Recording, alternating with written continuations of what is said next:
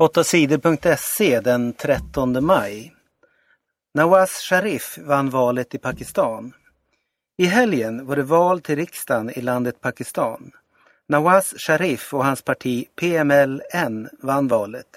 Nawaz Sharif har varit Pakistans ledare två gånger tidigare. Hans parti är ett högerparti.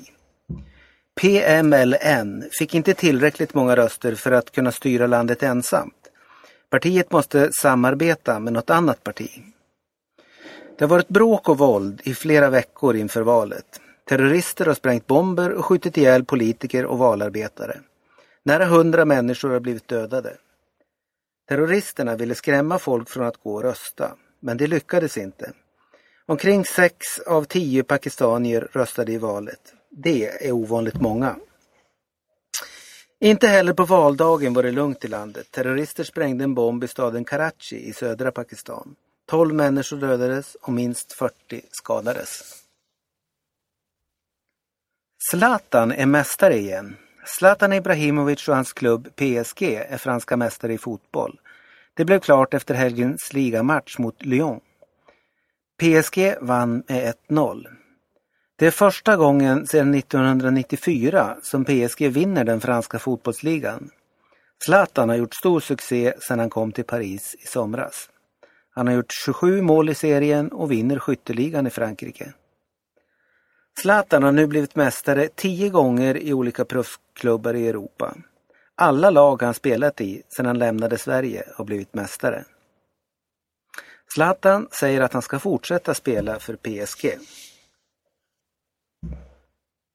Fler än 60 människor dödades av bomber.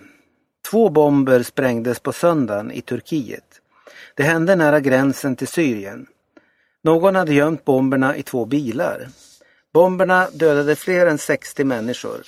De flesta av de som dödades och skadades var människor som flytt från kriget i Syrien. Turkiets utrikesminister har sagt att han tror att det var militärer från Syrien som planerade bombdåden. Men den syriska regeringen säger att deras militärer inte gjorde det. Vi skulle aldrig göra något sånt, säger Syriens informationsminister. Poliserna i Turkiet har tagit fast nio personer. Poliserna tror att de gripna är inblandade i bombdådet. Arbetarna i Bangladesh ska få högre löner.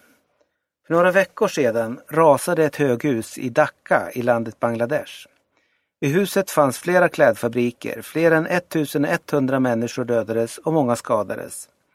Många arbetare i andra klädfabriker i Bangladesh har strejkat och protesterat efter olyckan.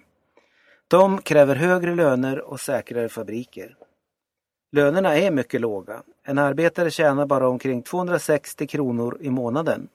Säkerheten är dålig och det händer ofta olyckor i klädfabrikerna. Nu säger regeringen i Bangladesh att lönerna ska höjas. Regeringen säger också att kontrollen av säkerheten i fabrikerna ska bli bättre. Tre miljoner människor arbetar i klädfabrikerna i Bangladesh. Fabrikerna säljer kläder till flera av världens största klädaffärer. Sverige vann VM-matchen mot Slovenien. Det går inte så bra för Sverige i hockey-VM. Det svenska landslaget Tre Kronor hade ingen chans i matchen mot Kanada i torsdags. Kanada vann med 3-0. Tre Kronor spelade dåligt också mot bottenlaget Slovenien. Den matchen vann Sverige i alla fall med 2-0. Men laget fick mycket skäll för sitt dåliga spel.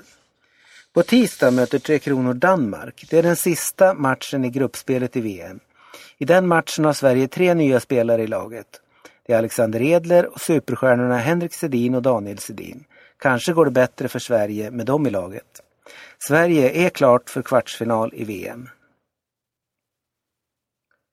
Bomb kastades in i lägenhet. Någon har kastat in en bomb i en lägenhet i Skurup. Det hände tidigt på måndagsmorgonen. En kvinna låg och sov i lägenheten. Men hon skadades inte när bomben exploderade. Vardagsrummet blev helt förstört. Kvinnan klarade sig eftersom hon var i sitt sovrum, säger en polis till nyhetsbyrån TT. WHO varnar för nytt virus. 20 människor har dött av det nya coronaviruset. De flesta av dem som dött har smittats i landet Saudiarabien. Fler än 50 människor har smittats av viruset.